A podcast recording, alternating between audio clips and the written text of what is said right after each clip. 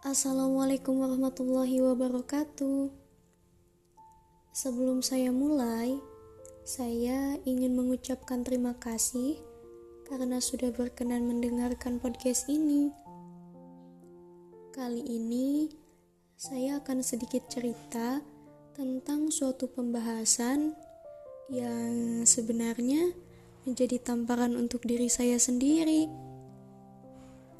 Dan kebetulan tema kali ini merupakan requestan dari teman saya, Dina. Semoga bermanfaat dan selamat mendengarkan ya.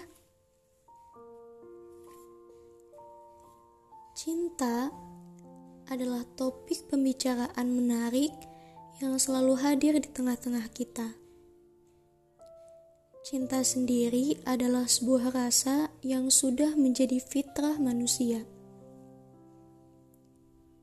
Cinta itu sesuatu hal yang suci dalam Islam. Oleh karena itu, kita harus menjaga dengan sebenar-benarnya. Dan salah satu cara terbaik dalam menjaganya adalah dengan menitipkan perasaan cinta tersebut hanya kepada Allah. Jika belum mampu mencintai dan dicintai dalam sebuah ikatan pernikahan, maka cinta dalam diam adalah cara yang tepat. Seperti kisah cinta Fatimah dan Ali yang mencintai dalam diam sampai akhirnya dipersatukan dalam ikatan pernikahan.